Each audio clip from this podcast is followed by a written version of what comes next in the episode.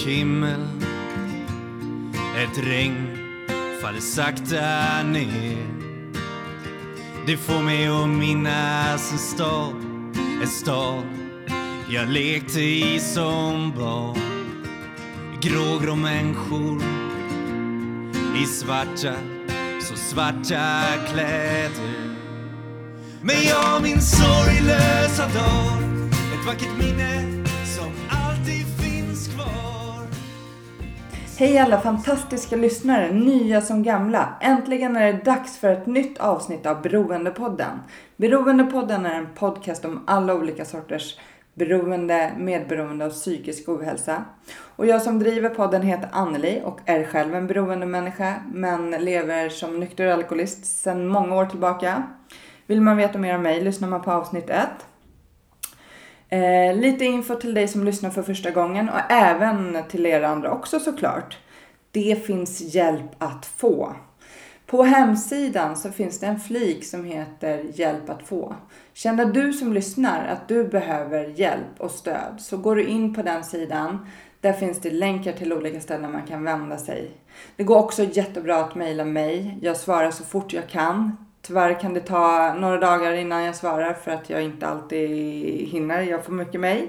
Men som sagt, jag svarar så fort jag kan och har jag inte svarat efter ett tag så skickar jag igen. Då kan det ha försvunnit någonstans på vägen ditt mejl.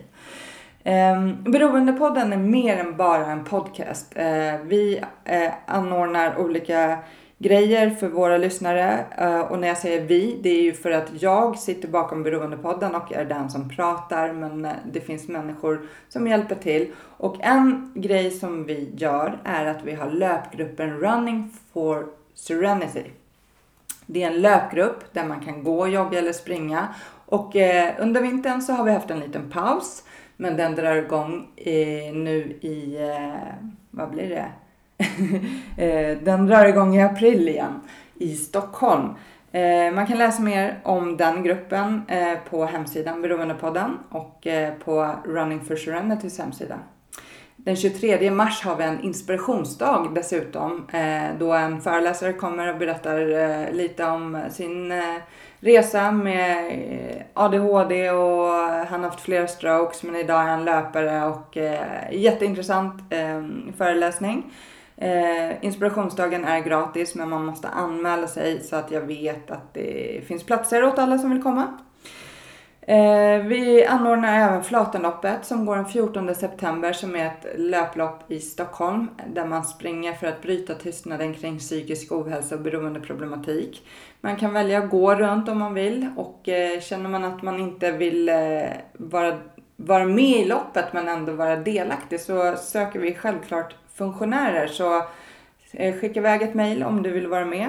Eh, och som sagt, Beroendepodden finns på Instagram och Facebook. Eh, och jag är jätteglad och tackar jättemycket Eh, för alla som sprider podden på sociala medier. Det betyder jättemycket, verkligen, att fler har möjlighet att hitta till podden, fler har möjlighet att hitta till våra löpgrupper och sorgbearbetning som vi också har och så. Nu har vi ingen sorgbearbetning förrän i höst. Men då kommer vi kunna erbjuda det också. Så fortsätt sprida podden och eh, ni är asgrymma. Podden vore ingenting utan era lyssnare eller mina fantastiska gäster. Så tack, tack, tack för att ni finns. Och nu så ska jag släppa in dagens gäster.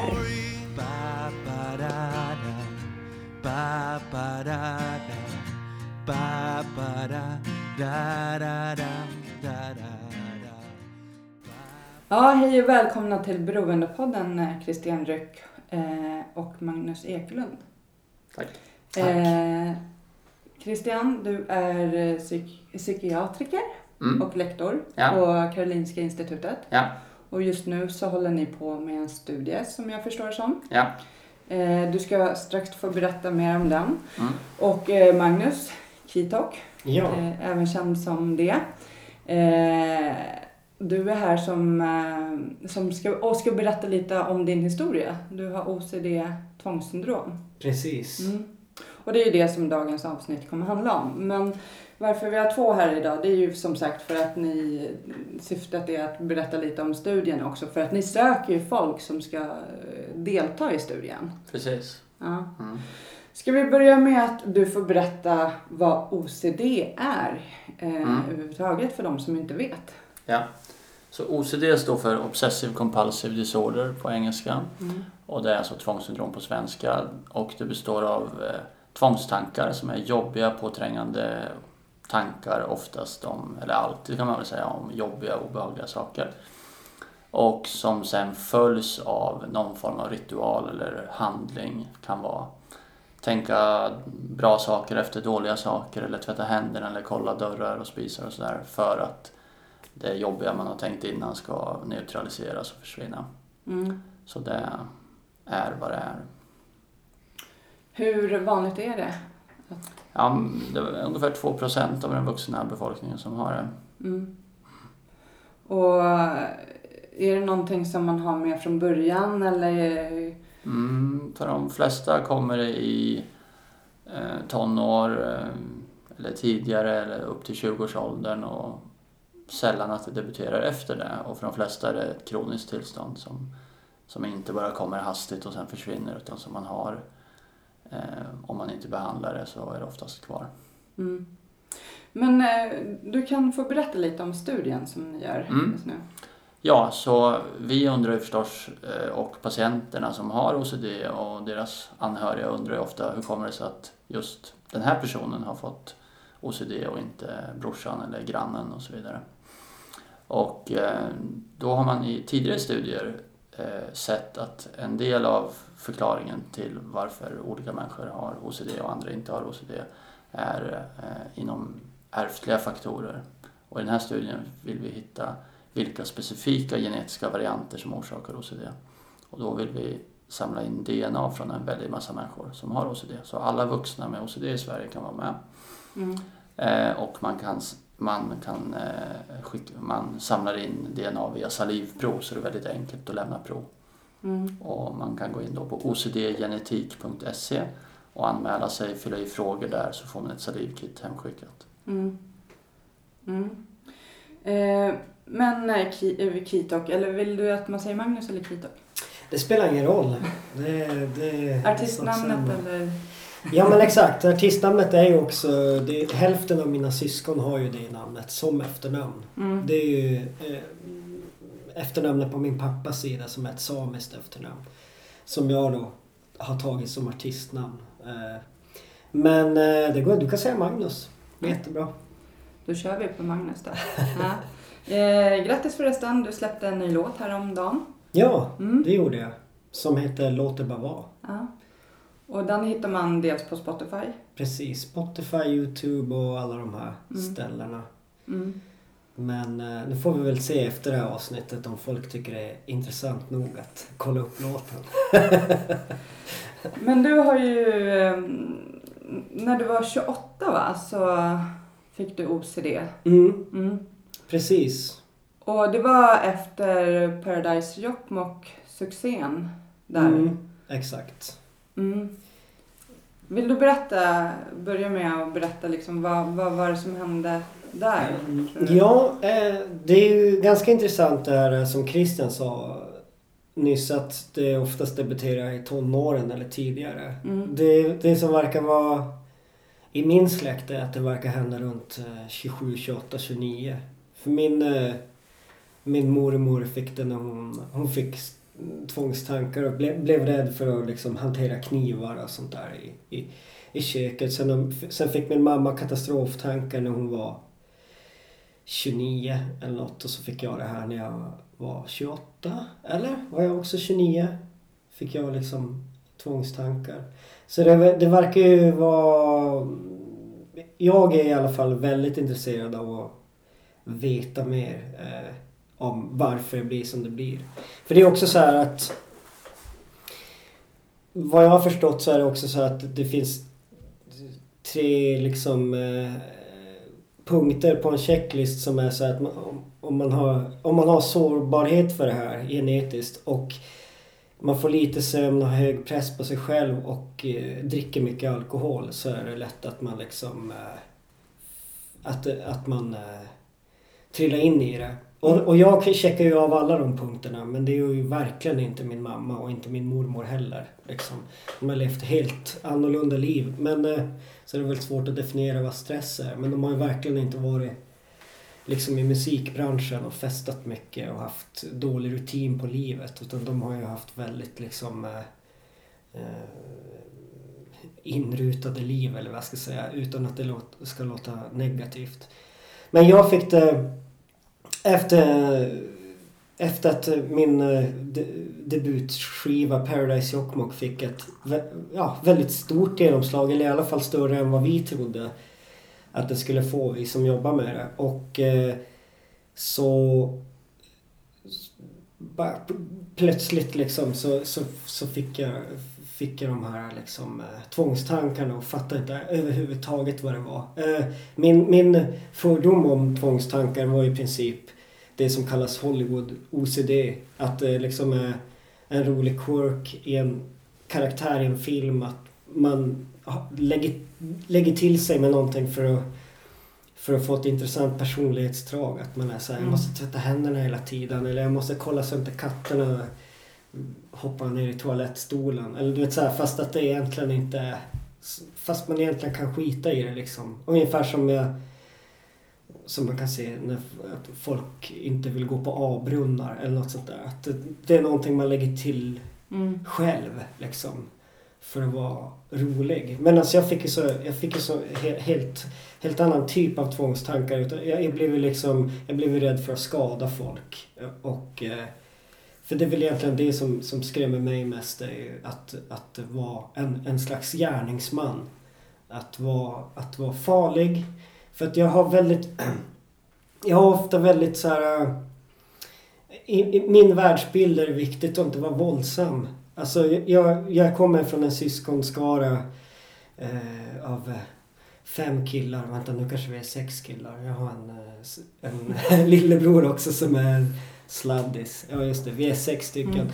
Och kommer från eh, Norrbotten eh, uppe i Lappland och det är väldigt liksom våldsamt. Jag, jag skulle nog tro att eh, eh Eh, jag som 80-talist, jag tror att det är skillnad eh, hur, det var att gå i skola här eh, i min ålder än hur det var att gå liksom uppe i Norrbotten. Det är väldigt mycket hot om våld och våld hela tiden och jag, jag har alltid tyckt att det är oerhört eh, obehagligt med, med sådana saker. Man, man vill inte liksom eh, bete sig eller vara så. Och eh, så har jag umgåtts i kretsar eh, som, som är väldigt eh, vad ska man säga, politiskt medvetna och progressiva och, och mm. väldigt så här, kvinnor runt mig som är, som är liksom feministiska, vad ska man säga, som går i bräschen för feminism och sånt. Och det är väldigt viktigt att inte säga fel, göra fel. Och så har jag varit väldigt stressad över de här grejerna. Att så här, man får inte göra och säga fel och det får inte bli liksom, jag vill inte göra bort mig. Eh, och då har det liksom eh, på grund av min livssituation och vem jag är av någon anledning liksom trillat in i att, i att jag får tvångstankar om det. Så tänk om jag tycker tvärtom. Tänk om jag är, tänk om jag själv är liksom en farlig person. Tänk om jag skulle börja slå min flickvän. Och så blir det liksom intellektuellt så förstår jag att det är det obehagligaste man kan tänka sig. Eh, men det känns som att jag har kapacitet att göra det. Känslorna säger något helt annat än intellektet säger. Så då börjar man spela liksom, man, då börjar jag spela så här pingismatch med mig själv. Att så här, tänk om jag gör så här då. Men varför skulle jag göra det? Jag skulle aldrig vilja göra så. Och så pågår det hela tiden i mitt huvud. Till skillnad från om man kanske har jag vet inte, katastroftankar om något annat så kanske man tänker att man måste gå och tvätta händerna för att få någon slags kontroll över situationen eller ja. Eh, så har jag haft så här osynliga eh, tvångshandlingar så att säga. Och eh, ja, det, det här blev ju bara oerhört problematiskt. Jag tänkte direkt att så här, nu, nu har jag blivit galen. Och nu kommer jag spärras in. Och nu är allt över. Liksom, nu blir det ingen mer musik, nu blir det inget mer... Liksom... Det blir så, för mig blir det så overkligt. Från att gå från ett liv där det är roligt att göra musik, där man jagar melodier och, och vill göra liksom raptexter, där ord är intressant, där, där liksom där, där, där solen lyser och, och det är gott med glass och det är härligt att dricka kaffe så blir det plötsligt som att allting blir helt overkligt. Och jag, det känns, den här ångesten gör som att man hamnar utanför sig själv. Och allting känns bara mörkt och konstigt och det känns som att att man blir avdomnad. Alltså det blir ett oerhört konstigt tillstånd överhuvudtaget bara. eh, Att, att, eh, att, att leva och finnas Det blir jätteobehagligt. Och så, och så blir det jättesvårt att liksom förstå hur man ska ta sig ur det. För att det som senare är behandlingen är ju att man ska möta sina rädslor. Liksom. Medan OCD säger att man ska göra tvärtom. Som jag säger som det var för min eh, mormor så var det så här. Hon var rädd för knivarna. Hon var inte rädd för att kniven skulle göra något. Hon var ju rädd att tänk om jag bara blir galen när jag håller i den här och bara Mm. jag vet inte vad hon kan ha tänkt liksom. Men då blir det ju att så här, de, de ska inte röra. Medan man istället kanske ska göra tvärtom. Att så här, Men hur fort eh, förstod du att du hade det? Alltså om du har haft det i, i familjen, eller Mm. har det i familjen. Eh, visste din mamma om att hon hade det och visste din mormor om att hon hade det? Eller är det något som de har förstått sedan du fick diagnos? Att de hade? Alltså visste du om att du hade det i familjen innan? Hänger med? ja, jag hänger med. För Ehm, annars kan det vara så här att, att du får diagnos och de, oj det här är ju samma. Ja men precis. Så har det varit till viss del. Mm. Men de har ju också eh, förstått saker. Alltså nu är ju tyvärr är inte min min mormor är ju tyvärr inte helt klar liksom längre så jag har inte kunnat prata så mycket med henne eh, om det.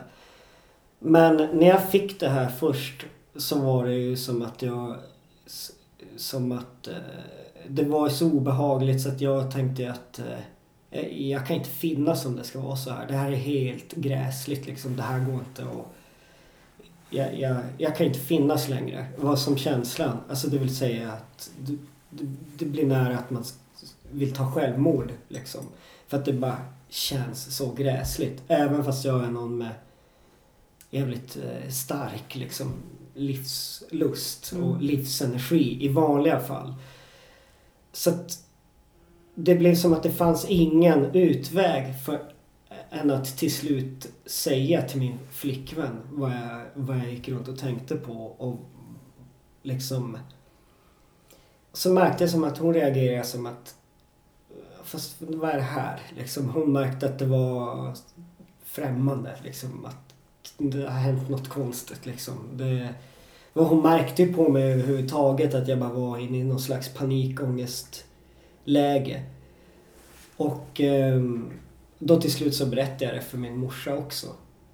Och då var det som att hon ganska snabbt... Det, då trodde jag att de skulle bara, okej, det måste vi låsa in i fängelset typ. För, för att man, man tror som det. Eller på en nivå så visste jag att det inte skulle vara så, men det känns så verkligt liksom. Um, och då gick det ganska snabbt till att hon bara, men du, jag tror att eh, det här kanske är tvångstankar. Liksom. Och då bara, va? Jaha, okej. Så då börjar man liksom eh, kolla upp det och så här. Och börja förstå att okej, det här kanske är något slags eh, tillstånd. Och det här kanske, det kanske är det här jag har. Men det finns ju ett till problem med tvångssyndrom som kallades tvivelsjuka för länge sedan. Att det är som att man tror, alltså det typ ingår i sjukdomsbeskrivningen att man tvivlar på om man har det. Man tvivlar på allting liksom. Och vill ha säkerhet i saker. Eh, så att jag var inte säker på att jag hade det. Och det kändes ju väldigt obehagligt att behöva söka hjälp. Liksom. Men eh, ja, tack vare min flickvän och min mamma och folk runt mig så, så gjorde jag ändå det till slut. För de kunde jag ju fortsätta lita på trots allt. Mm. Så att de har jag alltid litat på och de har ingen liksom det, det angriper det liksom inte att jag börjar misstro andra liksom. Eh, så då fick jag helt enkelt lita på det och jag kände väl att jag inte hade något val heller. Eh, så då, då gick det väl ganska, alltså förhållandevis snabbt. I en frisk människas liv ganska kort, kort tid liksom. Men ändå kanske två veckor. Och det är ändå en mardröm att alltså, i två veckor gå runt och bara inte Men förstå något. Är, är tankarna från det du vaknar till det du somnar liksom konstant eller har var det någon paus under dagarna? Nej, alltså för mig var det nog att det var konstant. Kanske att jag vaknade och att jag då har glömt det i någon sekund. Eller kanske haft bra sömn och typ drömt och inte haft tvångstankar i drömmen utan där har jag varit typ normal. Alltså fast direkt man kommer, kommer ihåg det så börjar den här mentala pingisen direkt. Liksom att, och vad det än är. Och så byter det lite karaktär egentligen. För mig har det bytt karaktär lite för varje dag.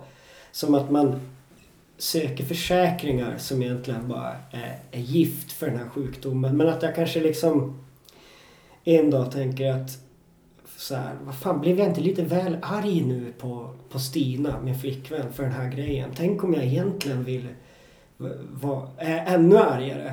Eller så här, till exempel, med min, jag och min farsa har inte haft en liksom bra relation alltid. Och han är jag liksom, eller har varit i alla fall fram till jag fyllde 30, varit väldigt arg på ofta. Och då har jag liksom börjat tolka de känslorna så här. Tänk om jag vill, tänk om jag vill vara, göra något fruktansvärt mot honom. Tänk om jag bara vill eh, misshandla honom. Alltså så här, tänk om jag är också helt våldsam och bara... Och... Eh, då kan det vara det en hel dag, att det så här bollar det. Så här, varför skulle jag vilja göra det? Jag är inte sån. Jag är en estet. Typ. Jag är liksom en, en eh, hippie i grunden. Och så bara... Så håller man på sådär och det kan vara allt möjligt liksom. Eh, och... Eh, och så kanske man känner sen på kvällen för då är liksom ångesten tar slut. Man orkar inte ha ångest längre. Så då, då, då kan det vara skönt att bara vara helt utmattad för att man slutar liksom tänka grejer sista, sista timmarna på dygnet typ. Och så känns det som att, ja men okej nu, nu vet jag att det inte är så. Men då kan det vara nästa dag kan det vara liksom något annat. Då kan det vara något så, så som att, tänk om jag sa fel. För så känns det som att, att man har gjort så fruktansvärt fel. Alltså som att, jag vet inte, som bakisångest upphöjt till 10 000 på något vis. Som att bara... Sa, vad sa jag? Och att man börjar tvivla på att om man ens... Va, så här, sa jag sådär? Gjorde jag verkligen sådär? Gick jag verkligen hem sen? Eller var jag kvar där? Och ty, alltså, så här, det är som att man börjar... Ju mer man liksom eh, låter tanken loopa desto mer så sjukt blir det. Sluta veta vad som är upp och ner liksom. Mm. Mm. Ja. Jag, jag tänker att det du tar upp är ju en vanligt problem vid, vid, när man har OCD och det är ju att det som man tänk, att, att tänka en sak är lika illa som att göra det. Mm. Alltså att många människor har eh, liksom förbjudna, aggressiva, neg- liksom dåliga tankar eller inre bilder och så som bara flyger förbi. Men för någon med tvång så är det ofta så att de, de tankarna säger väldigt mycket om en själv. Alltså, jag skulle inte tänka så här om inte jag också är en farlig person. För en normal person skulle aldrig tänka det här. Och det tänker jag är ju en sån, Mm. en sån väldigt typisk grej. Att, att, tänka, är- att tänka en sak är lika illa som att göra en sak. Mm. Och då missar man lite grann att de flesta människor har konstiga sexuella tankar eller andra förbjudna tankar på olika sätt. Eh, och, ja, och de låter dem bara vara liksom. Mm. Ja, exakt. För när vet man att det är tvångstankar man har? Liksom, vart går den där gränsen? Det kan eh, för många har ju... Ja precis, så tankarnas innehåll kan ju vara i någon mening normala. Mm. Eh, alla människor kanske kan tänka någon gång, eh, glömde jag låsa dörren eller körde jag kanske på någon på vägen hit? Men man kan släppa det direkt. Mm. Men för en del mä- människor så, är det, så tar det där fart som Magnus beskriver och just det här att jag skulle nog inte tänka så om inte jag vore helt galen och farlig och sådär. Men hur, eh, också det här tvångstankar och tvångshandling. Du sa att du hade osynliga tvångshandlingar. Mm, mm, precis. Och när det var som värst då gick jag liksom runt och hade som ramsor. För att det är som att det är så mycket som eh, håller på i huvudet. Så att det kändes som att jag kunde tränga igenom det enbart genom att liksom ha någon slags ramsa för mig själv som jag gick och nynnade. Så, här. så, så Och sen gav ju det såklart då upphov till ytterligare tvångstankar. För då var det som att jag, då var jag liksom eh, på gymmet en dag och så bara hade jag någon tyst liksom ramsa för mig själv. Att, så här, om att jag, kom, att jag ska klara det här och typ att jag ska ta mig igenom det. Att jag ska liksom kunna leva mitt liv.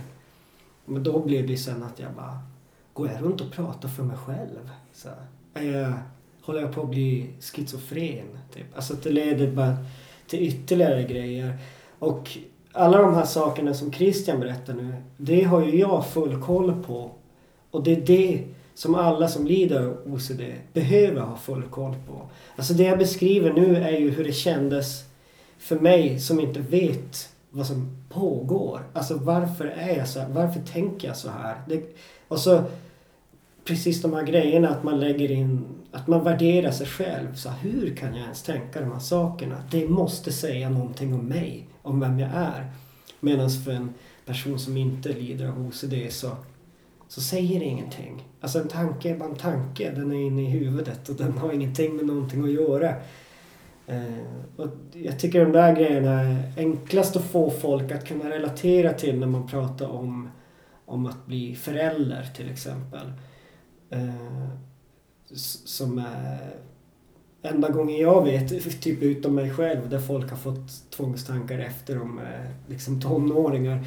Eh, där det är så att man kanske går med sitt barn och bara Gud, det här barnet är ju hjälplöst utan mig. Tänk om jag bara kastar iväg ungen. Alltså den tanken måste ju... Det känns helt orimligt att man inte skulle tänka det. För man måste ju i alla fall överlägga Mm. liksom hur mycket den här är i en beroendesituation till en. Men om man då har OCD och, eller är sårbar för det så kan man ju börja bara, hur kunde jag ens tänka det här?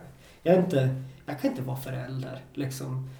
Och det är väl särskilt jobbigt vad jag förstått för, för mammor. Nu har inte jag några barn själv. Men liksom att, så här, att den grejen är, för det är mest laddat att så här, man får inte vara en dålig mamma. Typ. Eh, och där, det kan väl ge upphov till liksom tvångstankar. Det är ju det är saker som man, som man tycker om som tvånget angriper.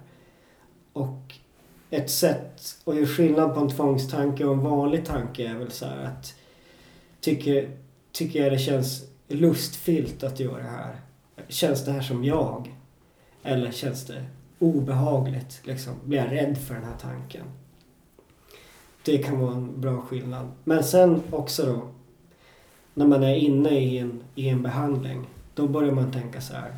Tänk om jag tycker den här tanken är lustfylld. Och så blir det, det liksom att det hela tiden finns en bakdörr öppen där liksom tvångssyndromet Mm. angriper. Alltså hela vägen tills att man liksom... Och man kan väl säga i behandlingen så uppmuntrar man ju till osäkerhet i någon bemärkelse. Ja. Att eh, den absoluta säkerheten som man gärna vill ha, att, att man inte har gjort fel, att man inte har skadat någon eller att man inte har fel tankar eller att man inte trots allt är en sjuk person Mm. i någon annan bemärkelse. Eh, det går ju inte att få absolut visshet. Så det är ju något som man får, tänker vi då, som i våra behandlingar, det får man leva med liksom. Mm. Och det är ju, det är ju en ga- ganska Eh, krävande behandling för någon som håller på att gå under av ovisshet. Ja men verkligen. Och det där, den där typen av tvång fortsätter jag ju liksom leva med nu. Fast att jag genomgått behandling. Eh, så finns det en del grejer som är problematiskt. Och det är det här att inte veta säkert. Eh, att inte ha ett ultimat bevis på att, att liksom jag är, jag är den jag är. Liksom.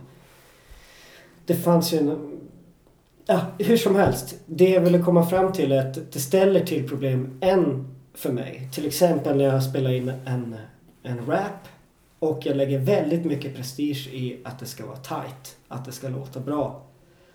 Och då kan det bli så att jag får ta om det jätteofta för att jag kan, hur ska jag kunna veta att det här är tillräckligt bra? Liksom, jag, vill, jag vill att någon ska berätta för mig att det här är liksom eh, så bra det kan bli.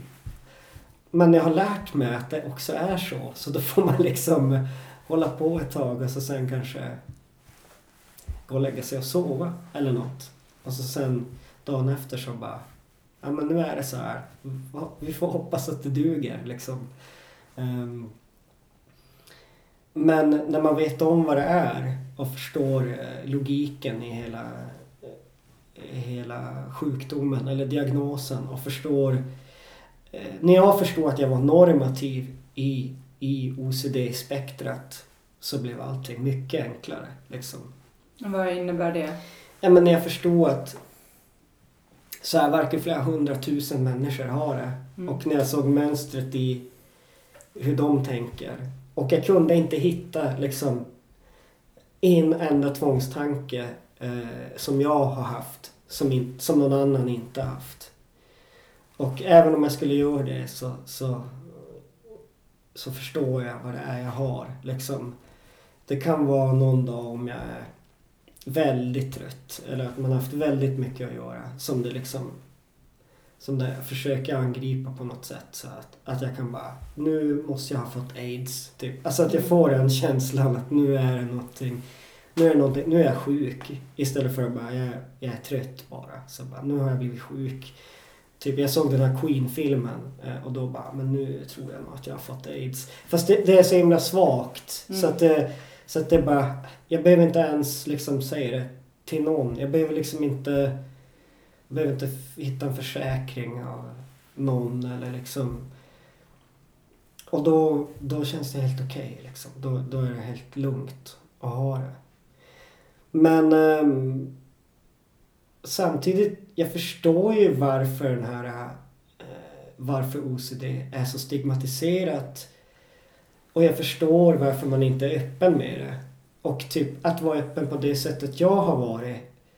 Alltså så här, publikt öppen. Mm. Det skulle man kunna tänka sig att i mitt artisteri att det bara är till fördel. Fast det skulle jag nog säga att det inte är. Därför att jag tycker att alla som har OCD ska vara öppna för dem i sin närhet och förklara hur det är.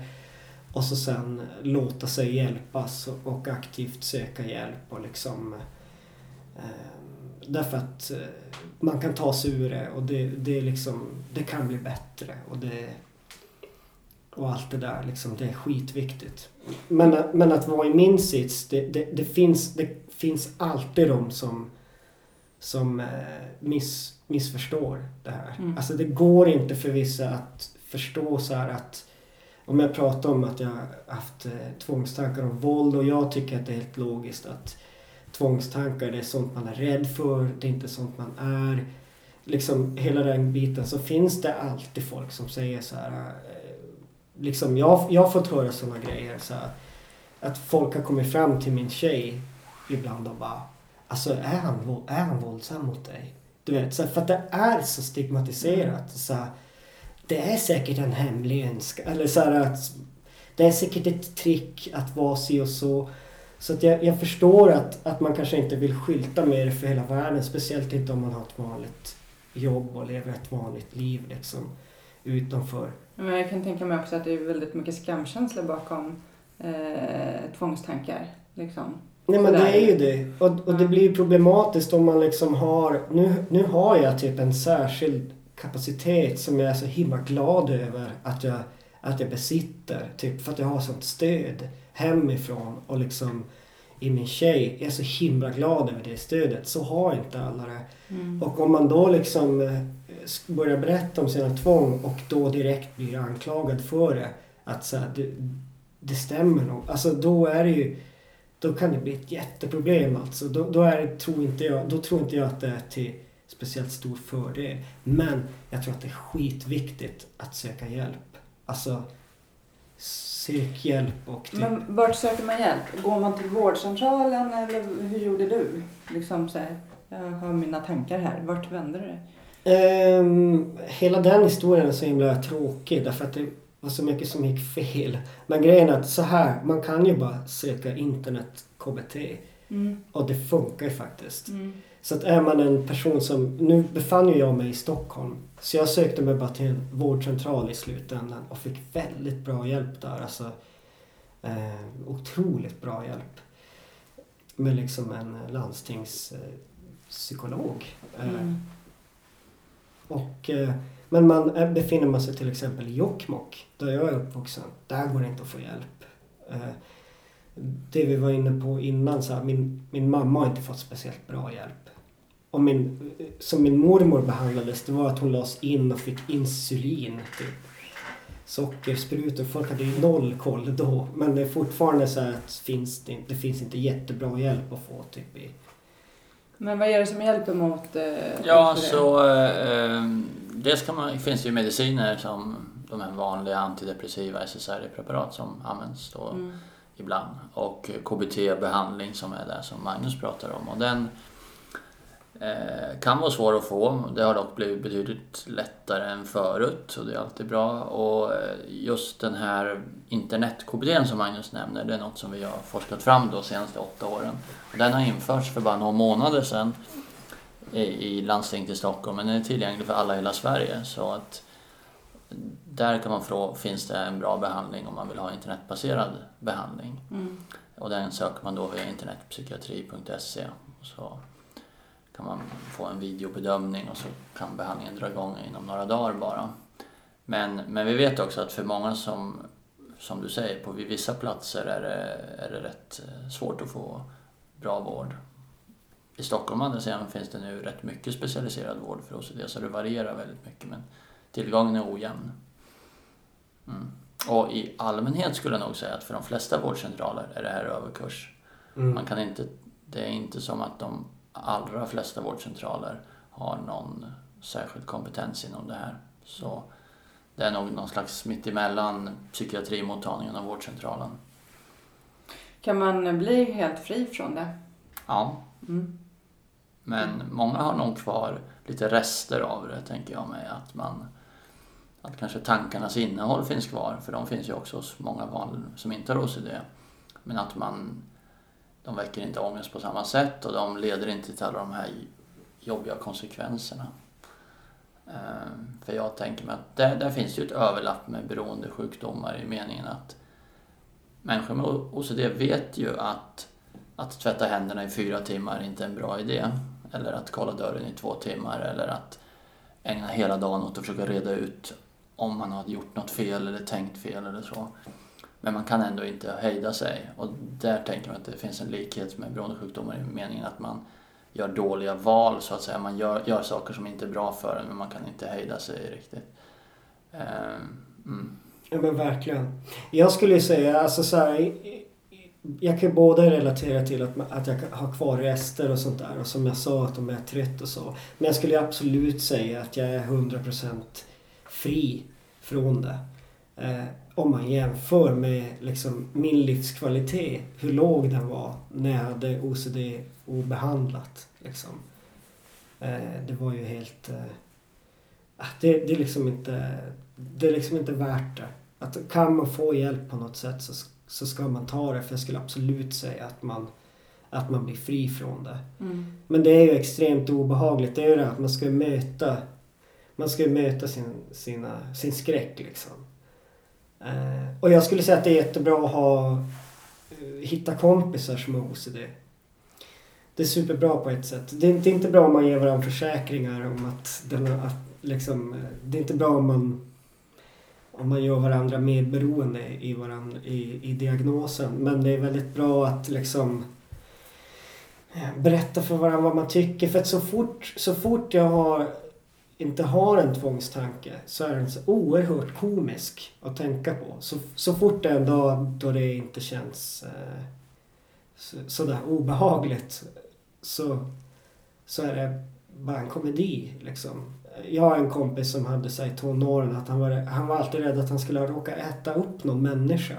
Och det var bara så här eh, så jättekomiskt att prata om hela tiden men samtidigt så så när det var så var det helt fruktansvärt för att det var liksom Ja, jätteobehagligt. Men liksom det är alltid bra att kunna eh, kunna skratta åt saker. Liksom.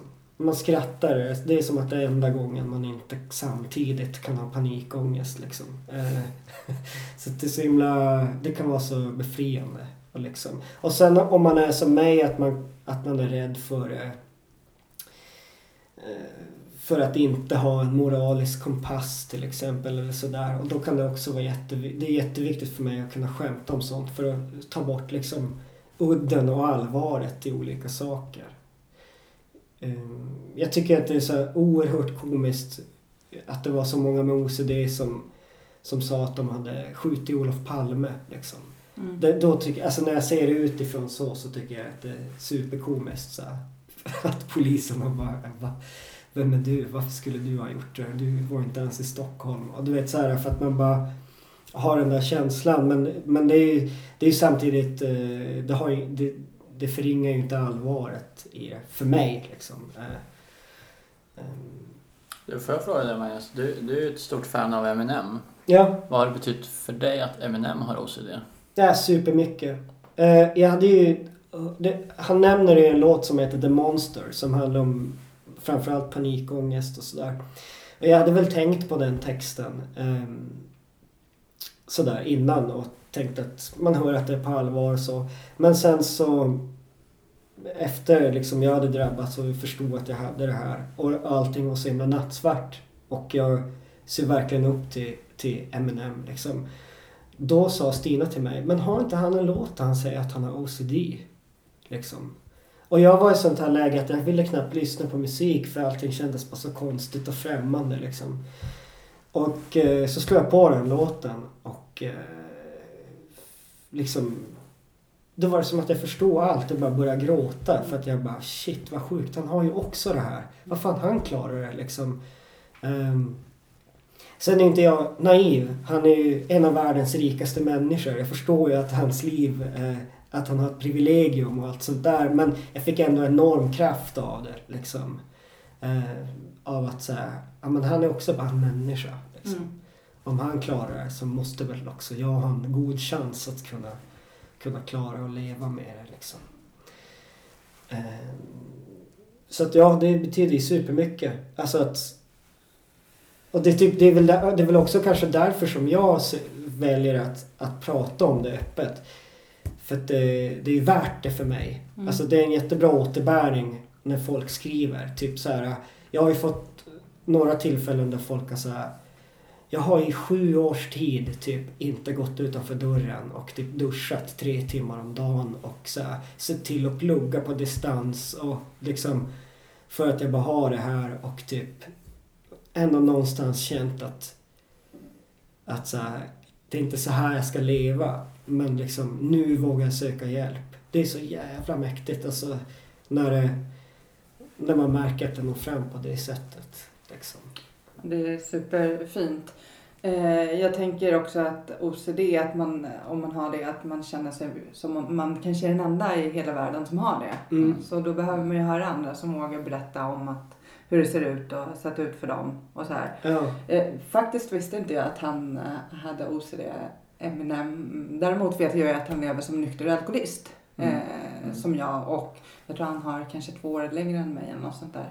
Ja. Men hur vanligt är den kopplingen? Alltså om, med missbruk? Ja. Eh, eh, man, det är ungefär eh, 20 procent av dem med OCD som också har en beroendediagnos.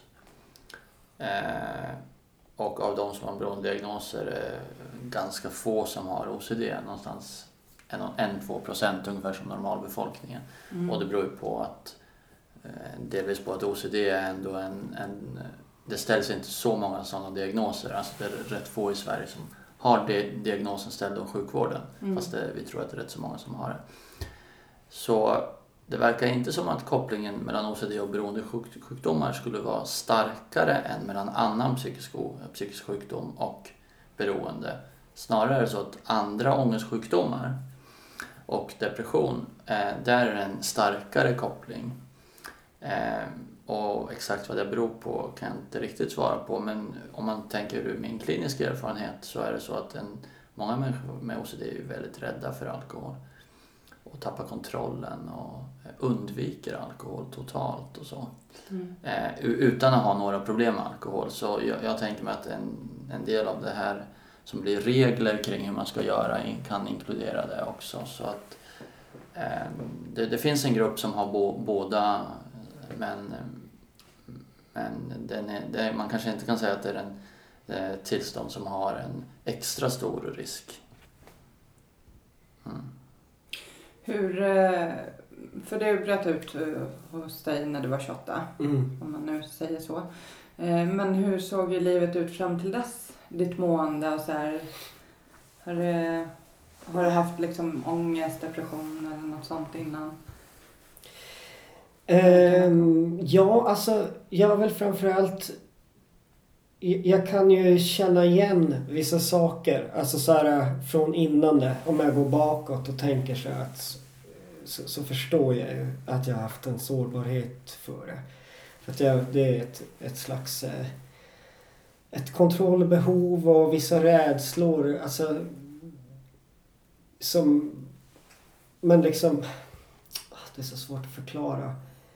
Men jag känner att jag har haft de tendenserna hela tiden.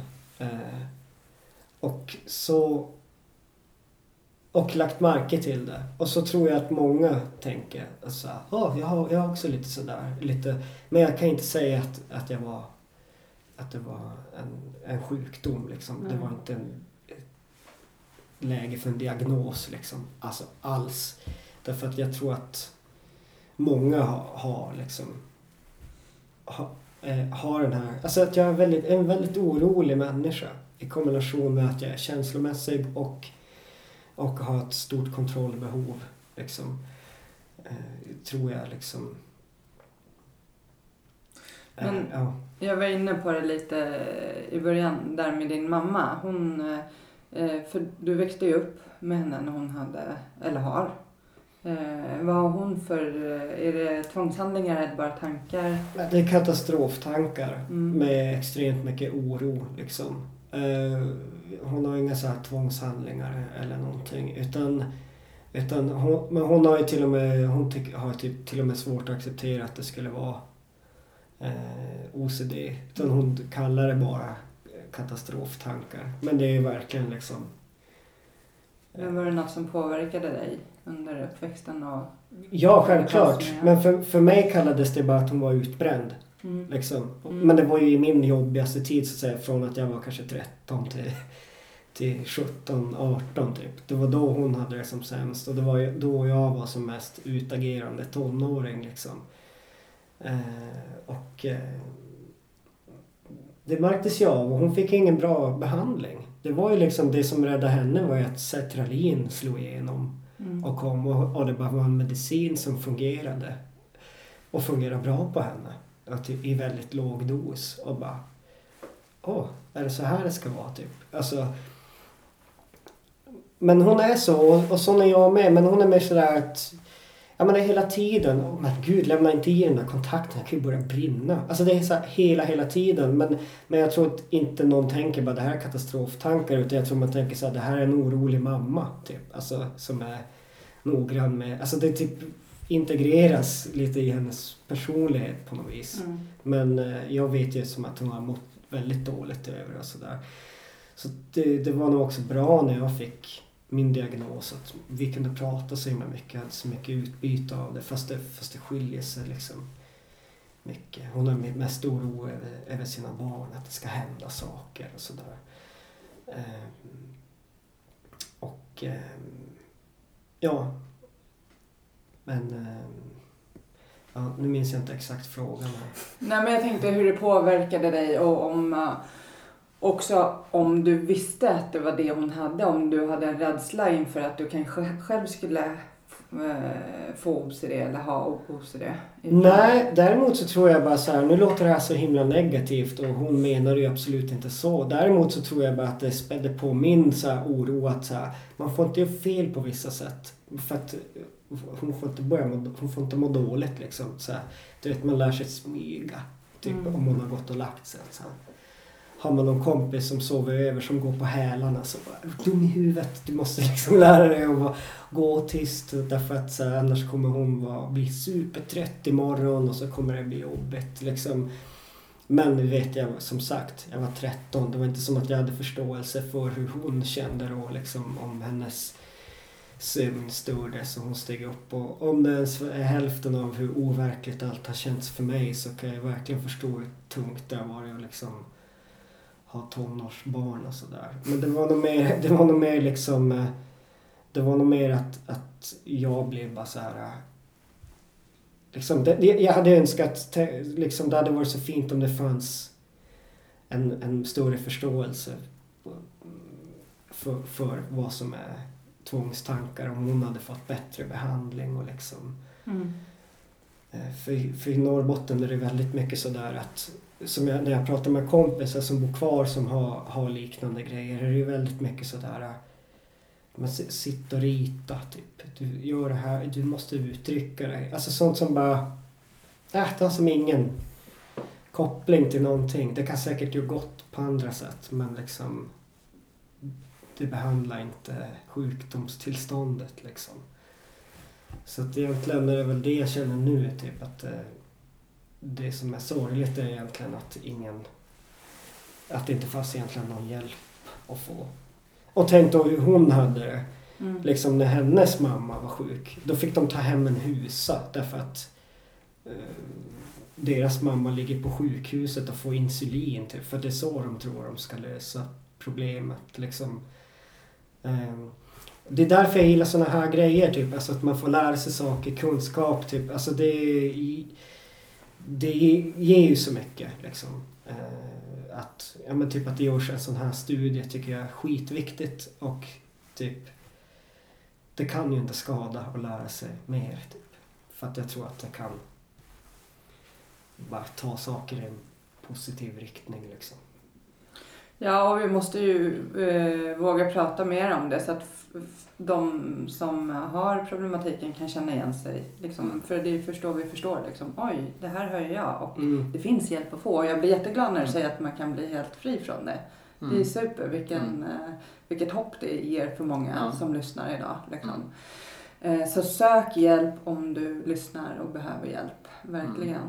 Vad, har du, vad har du för verktyg idag för att liksom, det KBT, hålla ordning på sömnen, Eh. äta, liksom, vad, har- liksom, hur behöver du leva för att Ja, men precis, nej, men det är ju den här verktygslådan att bara förstå hur, hur OCD fungerar. Liksom, eh, att förstå hur det angriper och komma på när, när det försöker hitta nya sätt att göra saker. Typ min senaste, jag fick liksom ett ganska starkt återfall. Mm. Och då var det som att jag blev rädd för att bara tänk, tänk om jag dör när jag somnar. Så här, vad händer med mitt ve- medvetande när jag, när jag går och lägger mig? Typ?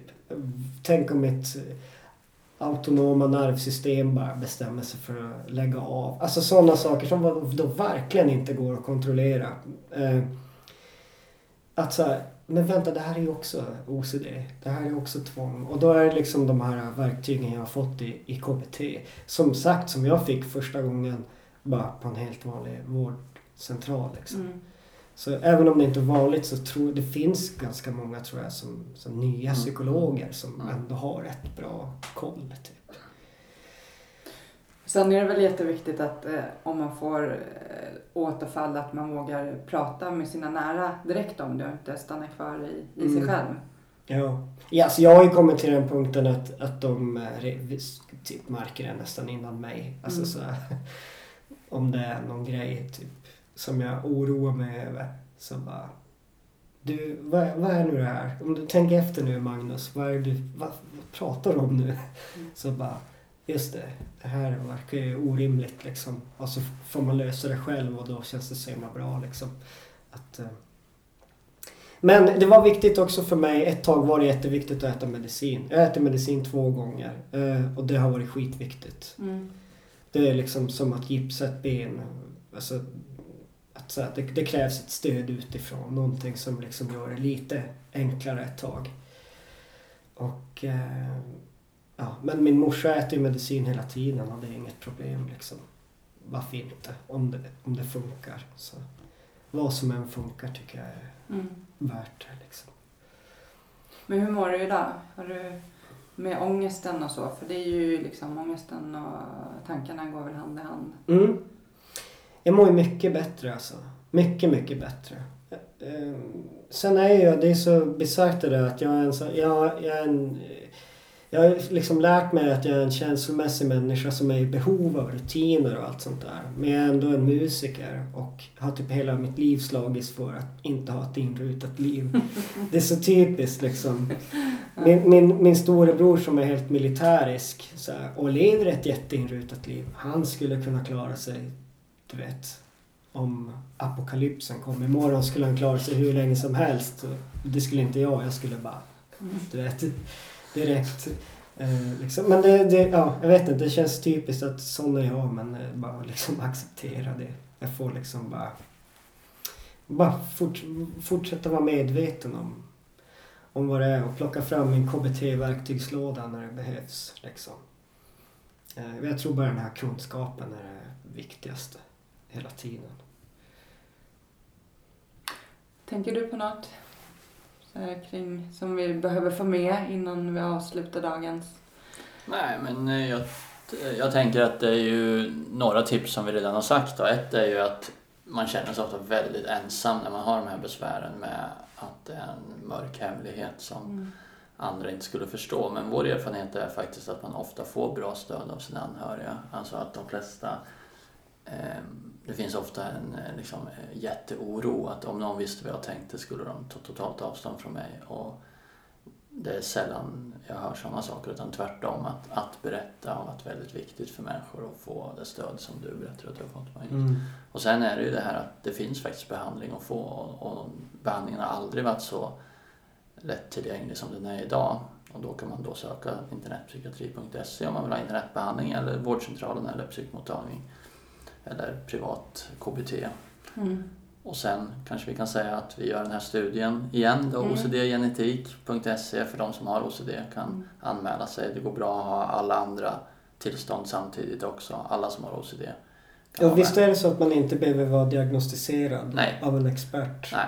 Utan om man typ vet att man har det så. Ja. Mm. Så det, lyssnar ni och känner att ni vill vara med och passa in på studien så är det bara hör av er. Ja. Ja, och är det något du vill avsluta med Magnus innan?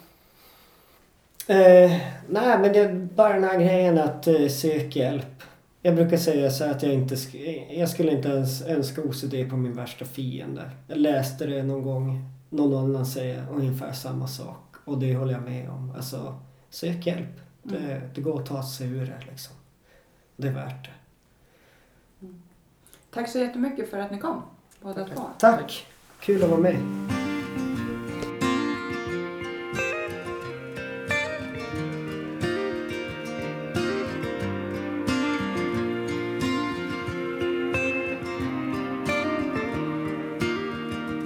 Mörk himmel Ett regn faller sakta ner Det får mig att minnas en stad En stad jag lekte i som barn Grågrå människor.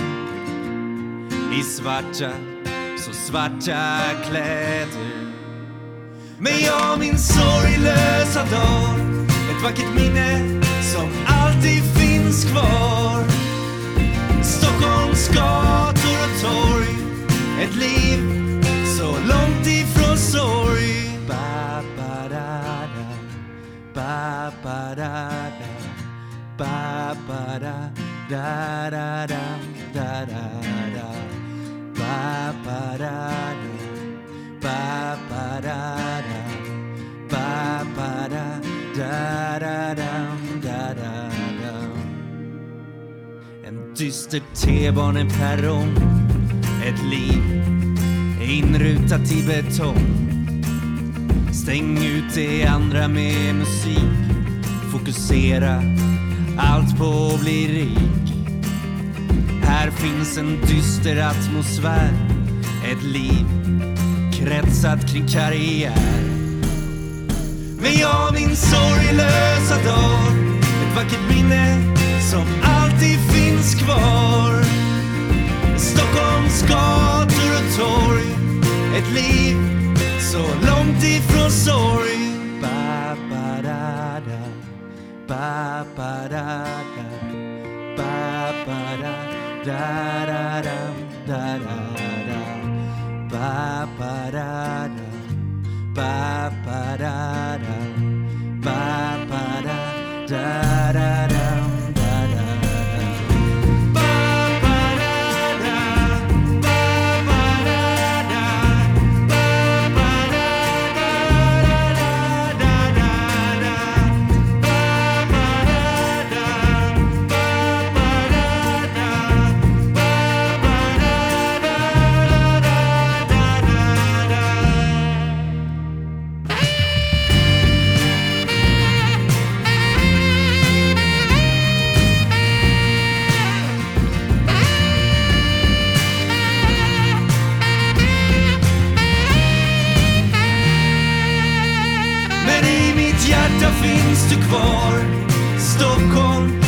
Mina